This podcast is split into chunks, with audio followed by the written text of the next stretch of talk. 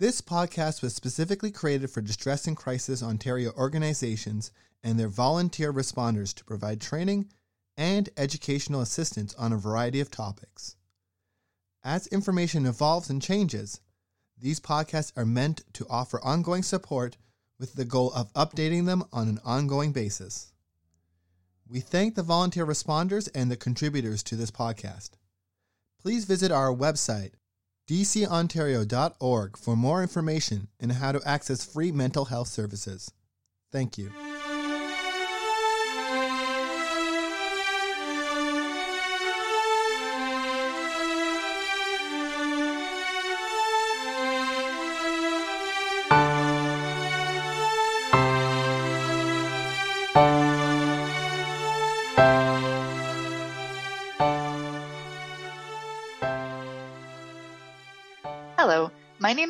Plant, and I am the Program Manager at Distress and Crisis Ontario.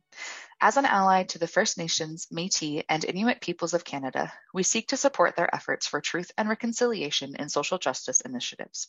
For example, with the recent visit from the Pope to Canada in a long awaited attempt to honor call to action number 58, which is to issue an apology to survivors, their families, and communities for the Roman Catholic Church's role in the spiritual, cultural, emotional, physical, and sexual abuse of First Nations, Inuit, and Metis children in Catholic run residential schools and to rescind the doctrine of discovery, we thought it would be an appropriate time to lend our support to First Nations, Metis, and Inuit communities. Engaging in meaningful conversations, our aim is to use our privilege to learn, raise awareness, and build relationships for social justice. We hope to improve engagement, provide resources, help build healthy communities, and explore how we raise awareness for social justice in alignment with the United Nations Declaration on the Rights of Indigenous Peoples. To start, we have reached out to some agencies as well as two of our member centers who support First Nations, Inuit, and or Métis communities and ask for their guidance on these subjects. Today, I am joined by Charity Fleming. Charity is an intergenerational survivor of the residential school and 60s Scoop programs and has dedicated her life to aiding the recovery of Indigenous people from experiences and impacts of historical trauma. She is passionate about delivering inclusive and culturally responsive services, not just to Indigenous people, but people of varying identities identities, and cultural contexts. So thank you for joining me today, Charity. Could you please begin by telling us a bit more about yourself and the work you do as co-owner of Quelea Counseling? So miigwech, Caitlin, thank you so much for having me today. Uh, Ani Buju Sego, hello, uh, Nidinjagas Anankwe. Um, my name is, my Indigenous spirit name is Anankwe or Star Woman. Um, my English name is Charity Fleming, and I'm one of the co owners of Quelea Counseling Services, along with Thomas Brown, who is a founder. Um, and I'm a mental health specialist, so that's uh, my training. So I'm a social work social worker, alumni of Wilfrid Laurier University Social Work Program um, in Waterloo, and uh, as is the co-owner Thomas Brown. And um, I specialize in mental health services, uh, specifically cognitive behavioral therapy, and uh, pretty much have dedicated my life to this practice. Um, it's a very, from a Western perspective, very evidence based um, mental health intervention to treat uh, mental health disorders and illnesses, um, but also is used to boost positive uh, experiences of happiness and joy. Um, so it's something that I have uh, used on myself in self practice, and it has worked. Um, but also that has been used in our clinics to treat mental health disorders and help people to experience joy again in their lives. So that's a little bit about uh, what we do at Quelea Counseling Services. Um, we are a certified Aboriginal business. So uh, that means that uh, we are recognized uh, by the Aboriginal Business uh, Certification Board, um, and that we're committed to truth and reconciliation. And uh, we see a lot of uh, Indigenous peoples, uh, me, of course, being Indigenous. We see a lot of Indigenous peoples primarily in our Brantford and Six Nations uh, locations, but across our locations. And we really recognize um, that all of our locations are along the Grand River. Um, and this land is uh, the Haldimand Tract, which was promised to um, the Haudenosaunee people of Six Nations of the Grand River.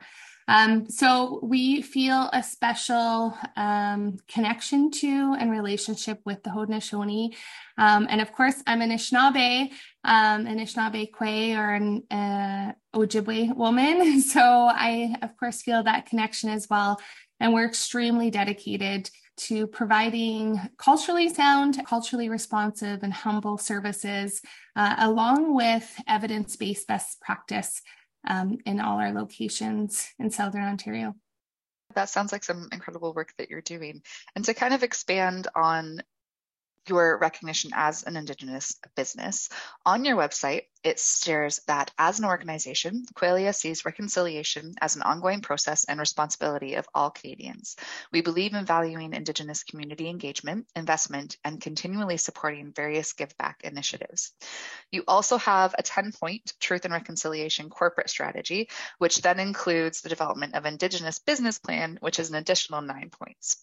So, why is it so important to you that you have such a clear strategy related to truth and reconciliation? And also, do you think that this is something that more organizations should implement to better support their First Nations, Métis, and Inuit communities?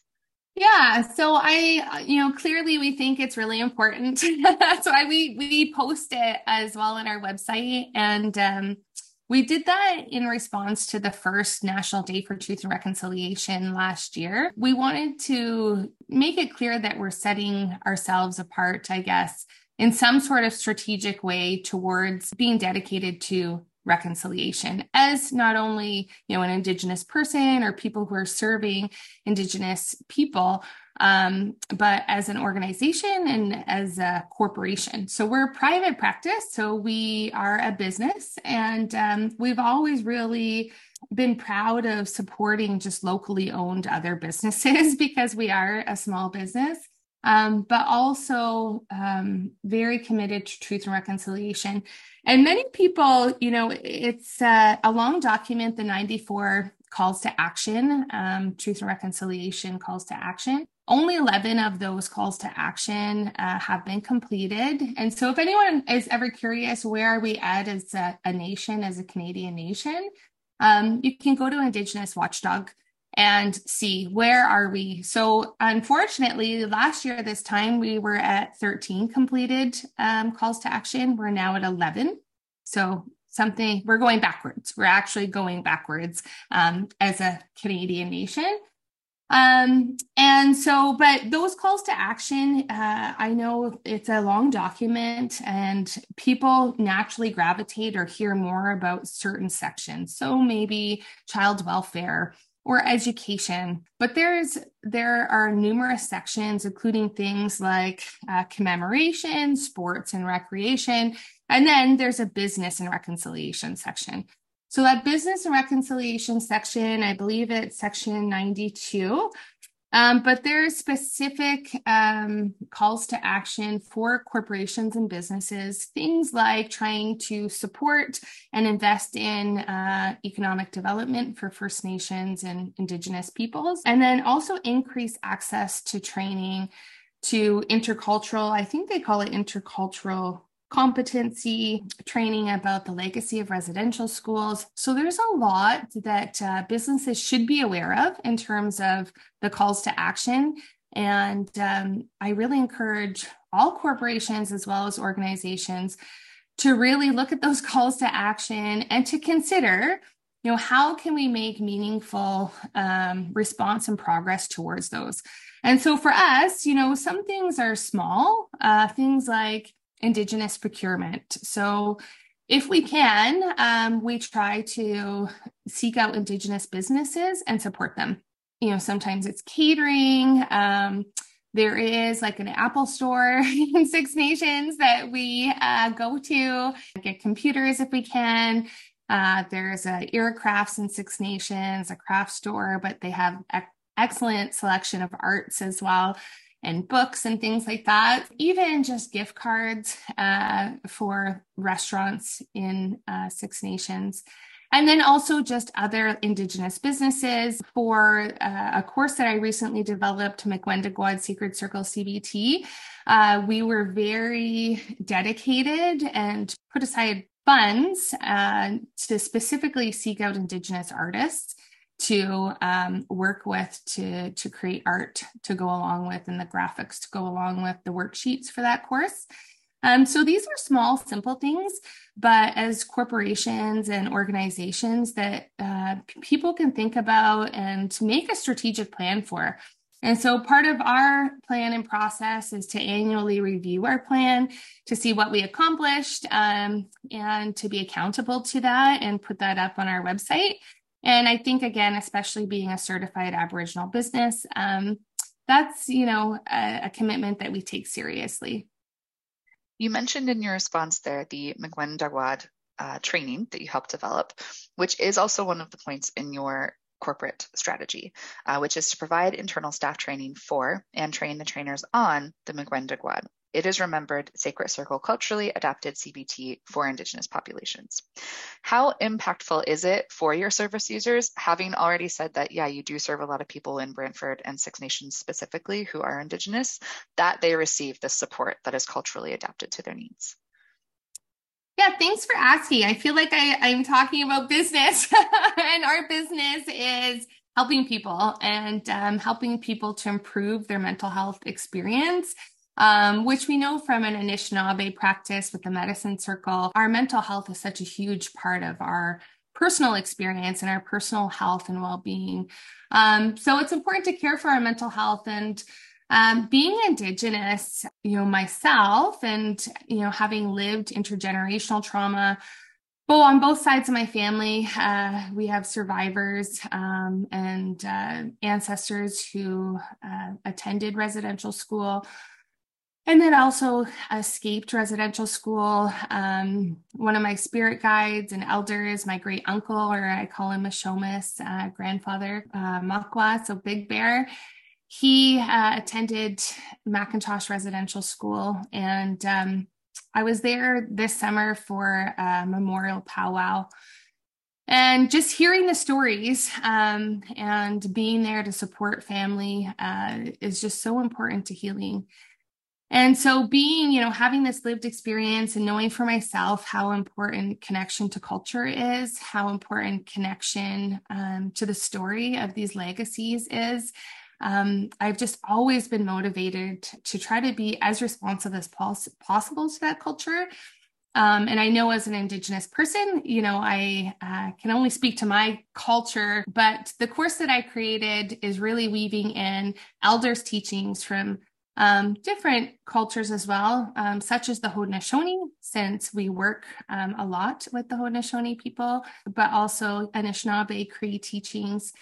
And um, those are just extremely important. Um, research shows, you know, relying also on that Western eye or knowledge that research shows that culturally adapted services are just far, far more effective for people. Having culturally adapted services uh, is important uh, to speak to people's spirit. And I think, especially as we're overcoming these legacies of trauma, of intergenerational trauma, um, I think about uh, my grandmother, who, you know, as an Indigenous woman, couldn't vote until 1970. So my mom tells the story of remembering, you know, when her mom was finally able to vote, um, which was, you know, 40 years after non Indigenous women were able to vote. And so, you know, I think about our religious practices um, and still are misunderstood, I think, our ceremonies and and spiritual practices, but how they were banned and how, you know, the survival of our practices was only because of people like my Mishomis or great uncle who literally went in the middle of the night, in the dark of night, to go into the bush to keep these practices and ceremonies alive. Um, and, you know, did so under the threat of jail, imprisonment, and violence and so uh, I think it's really important to to create space uh, as we recover and heal from this intergenerational trauma and, and legacy of uh, genocide. Um, that we really intentionally create space uh, to be able to include culture, to include spirituality, whatever that means for people wherever they're at in their journey, and to also be responsive to that that need for healing uh, in this very specific trauma informed way. Yeah, it's it's important to include culture, important to include spirituality, and to also be evidence based. And we know that culturally adapted services uh, are more effective. And in our model that we use cognitive behavioral therapy uh, to treat mental health, there are a lot of studies that show internationally the effectiveness of culturally adapted uh, cognitive behavioral therapy. And so we build on and we use those frameworks, uh, or I use that framework and built upon that framework to be able to create a culturally adapted, uh, Indigenous adapted cognitive behavioral therapy um, model and interventions. And all of them referencing the elders' original teachings from different groups of Indigenous people uh, so that we can lift up Indigenous knowledge and that is very much a response to Etuaptmumk or two eyed seeing, where we want to lift up Indigenous knowledges, not just one knowledge, but all Indigenous knowledges, um, and also weave it together with Western best evidence based practice um, so that we have the very best outcomes for our people. It's so cool to me kind of how you you can weave all of those things together and help so many people in that way. Um, and i think something that i kind of want to touch on too that came up both with what you were saying there and uh, in my conversation with my last guest who was melissa ireland who also works with you is that i think something that a lot of people struggle with is that they think these things happened a long time ago and that these are issues in the past. But really, you're talking about your mother and your grandmother and your great uncle and like people that you are still interacting with day to day and things that really were not long ago that is still the responsibility of now to be working on. And I think that that's a really important piece that people need to understand that just because we didn't learn about it effectively doesn't mean that it didn't happen. And I think something Melissa mentioned was this whole process of learning and unlearning and figuring out what is the truth of it all. And I think that, yeah, the way that you mentioned all of those things, it really, really highlighted that for me. And, and I just wanted to, yeah, really pinpoint that.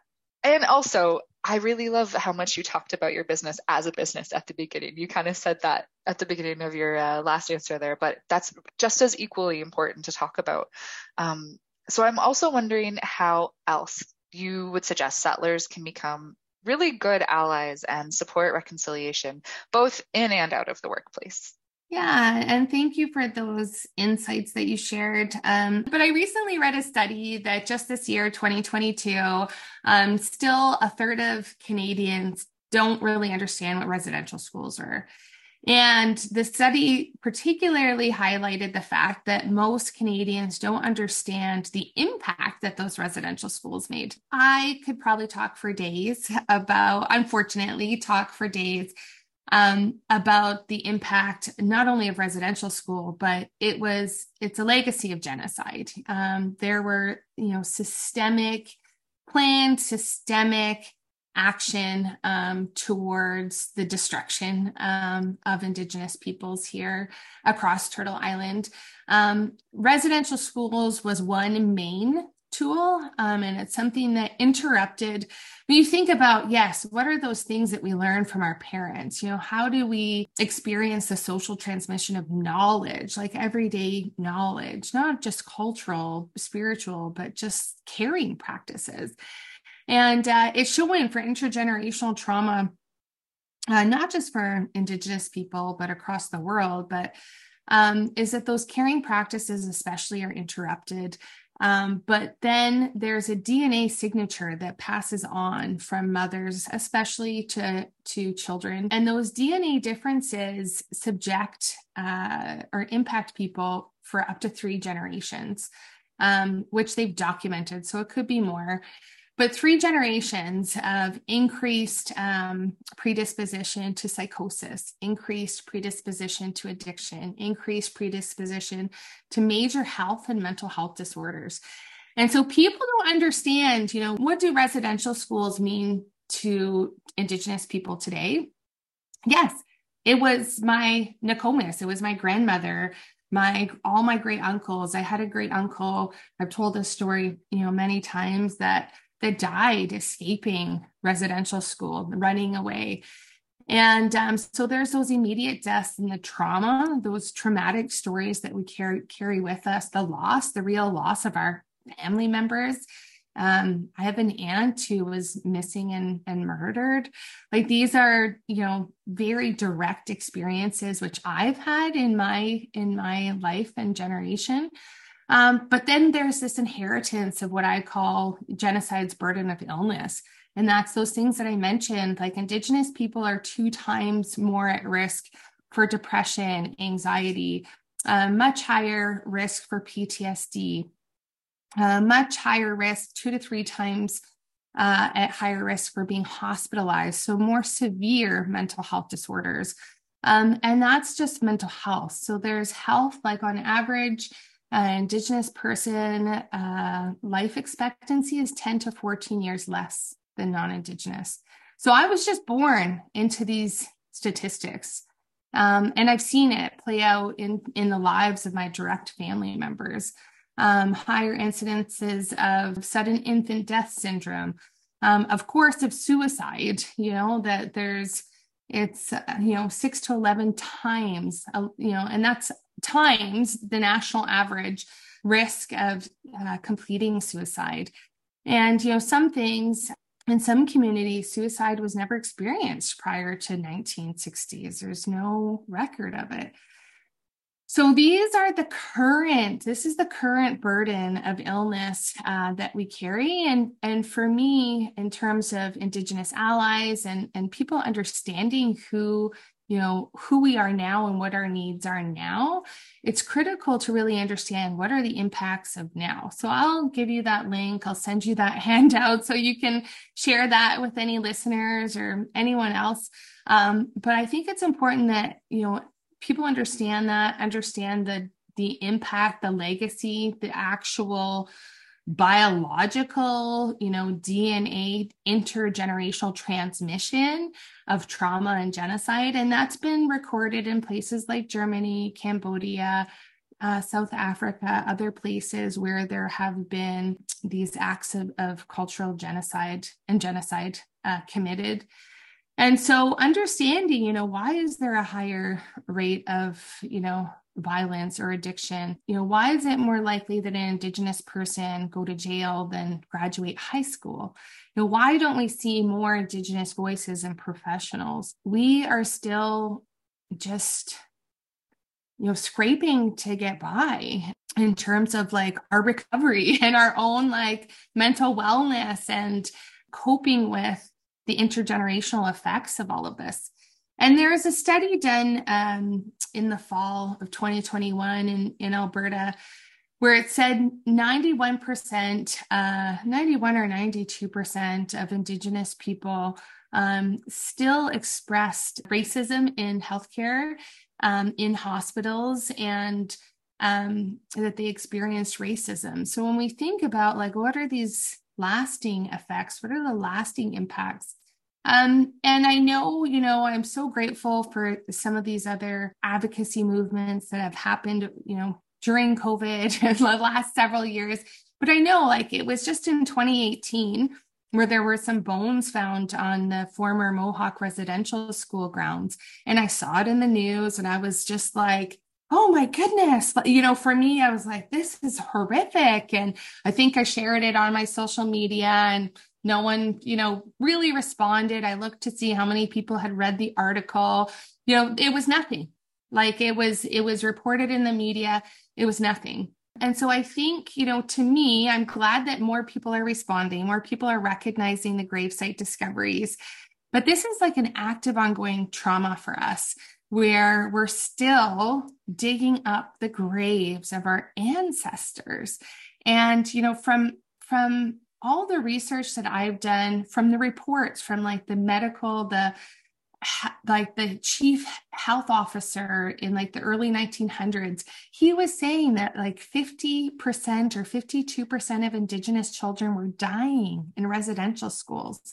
So you know when there's when it, you know the estimate is 4000 children no like that's not true you know and who knows? We're not maybe not discovering all of those graves but there is like just huge, huge loss, huge, huge trauma. And I'm glad that people are, are uh, becoming more socially conscious. Um, but, you know, as a as Canada as a nation, that social consciousness has not been there. I think that, you know, there's just been an awakening in the last year or two uh, with the gravesite discoveries and you know i think with the inward reflection during covid during the pandemic and other you know uh, movements.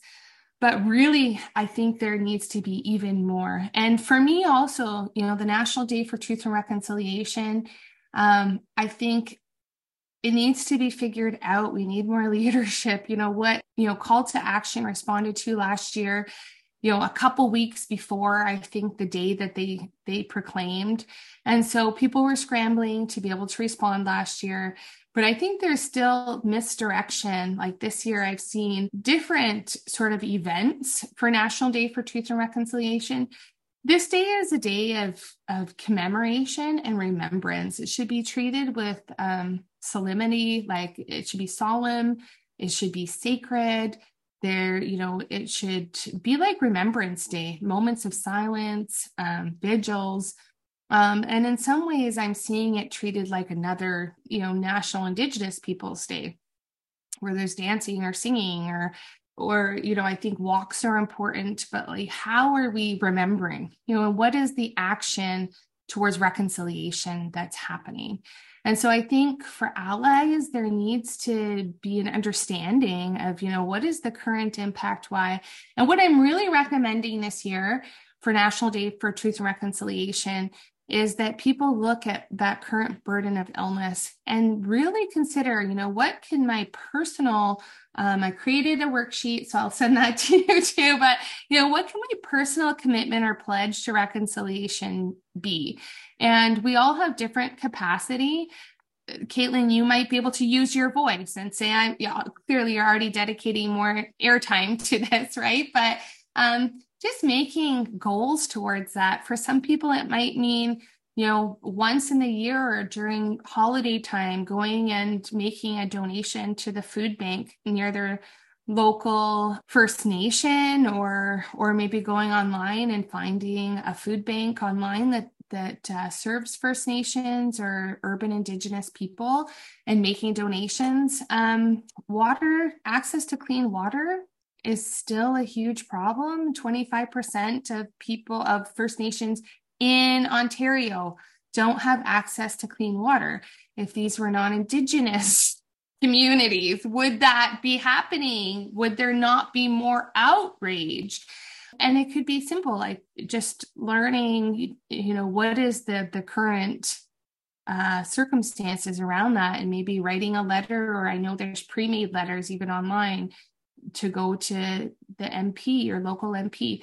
So there's small, you know, actions that we can all take. And I really like, um, there's a quote by Martin Luther King, and uh, he says, if you can't run, then walk. If you can't walk, then crawl. And so we need to all figure out we can't all dedicate all of our time of course to to reconciliation. That's not realistic right? But we need to make realistic goals personally. If we're in positions of power and privilege we need to consider how can our organization how can my corporation how can my you know volunteer committee group wherever you are how can our my school that my children go to? How can we better respond to reconciliation? Because this is the legacy that we're leaving. You know, we've inherited a legacy of trauma, of harm, of pain um, that none of us wanted. Um, but I think this is the legacy now, our opportunity to stand in a place of history and to make our you know Canadian nation and and international relations, I guess, with Indigenous people stronger and better. I think two things that I, I want to kind of pick up on from that is that everything you mentioned there in terms of the things that are impacting Indigenous communities so much still are all very common stress responses. And that is not at all surprising that when a community goes through such a big earth shattering experience like this that that stress is going to stick around. It is absolutely heartbreaking that those numbers are still so bad. And yeah there there needs to be these conversations and there needs to be more people learning and unlearning and and understanding these things and then just another small thing that I kind of want to add into you were talking about the National Day for Truth and Reconciliation and kind of small steps that we can all take towards supporting um, Indigenous based businesses. And one thing that I would like to kind of latch onto is if you're buying an orange shirt, for Orange Shirt Day, make sure you're buying it from an Indigenous run business. Because um, I know that a lot of the bigger organizations and corporations have kind of latched onto that and put out their own things, but they're not actually supporting any part of reconciliation through the sales of these items now. But do the research and make sure that you're buying it from an Indigenous business that is actually supporting truth and reconciliation and lifting up Indigenous peoples. I think that, yes, it might cost $10 more because you're buying from a small business, but it's worth it. And, and that's another kind of smaller thing that people can do. Um, so, kind of along the same line of that, do you have any community resources or initiatives that you can suggest for listeners who would like to get more involved? Yeah, thanks, Caitlin. I think that's a great suggestion. And I know, again, one that many Indigenous people were advocating for is just that Indigenous procurement, right? Um, Orange Shirt Day. And some people could say this is, you know, cultural appropriation if you're taking those orange shirts and, you know, making your own and benefiting from it, right? I like to avoid kind of those toxic maybe discussions sometimes, but I just think it is, you know, uh, a time to really reflect and think, how can I do this in a good way? We say Mino Bimaadiziwin in uh, in Anishinaabe but how can I approach this in a good way? And I think, you know, approaching it in a good way is to seek out those indigenous providers or indigenous businesses and, and uh, just make a personal commitment to yeah purchasing from and supporting indigenous uh, economy and indigenous uh, business. So yes so some of the other places or community resources initiatives um, i really recommend just thinking again what in terms of you know the burden of illness that genocide has left I mentioned some of those things like diabetes, the SIDS, the higher, you know, SIDS rates, the higher overdose rates, you know, um, suicide rates, mental health issues. Um, there's a lot for missing and murdered Indigenous girls, human trafficking. There's a lot of different things that are impacting that we carry because of that intergenerational trauma um, a lot of issues that we're still facing. So I just encourage people to look to see locally, you know, what are some of those organizations um, that are supporting uh, the prevention of those things or supporting Indigenous people going through. So again, and the clean water. So it might be going on. There is Water First NGO. So they really support um, the training of Indigenous water plant operators. Um, and so that's been identified as a huge need in terms of like, why are some of these water plants uh, present in First Nations or near First Nations communities, but there's no trained uh, staff just to to operate them. So Water First is a good place to to donate to or to try to support. I know even over the last year, there's several people who have joined clean water committees that I know of and groups uh, locally to try to contribute to action for clean water in First Nations. Um, the Dreamcatcher Fund, so that's an Indigenous charitable foundation. I know they've been working towards some sort of clean water initiatives, but they have all sorts of other initiatives that they support from sports, health, mental health. Um, so that might be a good foundation to check out. Um, of course, the local food banks uh, here in KW area, there's Six Nations, there's Anishinaabe Outreach you know, the healing of the seven generations. And we do, Quelea does food drives, water drives. So if anyone listening ever wants to just, you know, has a box of food that they would like to make sure gets to Six Nations Food Bank, just drop it off at one of our locations. We go, we will make sure that it's there. Um, we work with them on an ongoing basis.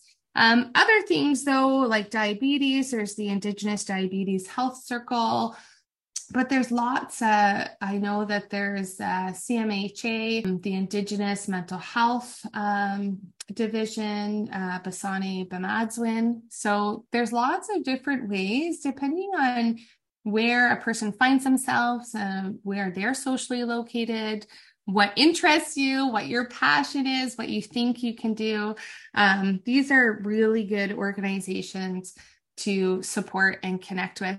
And then even just education, um, we're far below, you know, non-indigenous um, people in terms of our education attainment. So scholarships, you know, contributing to scholarships.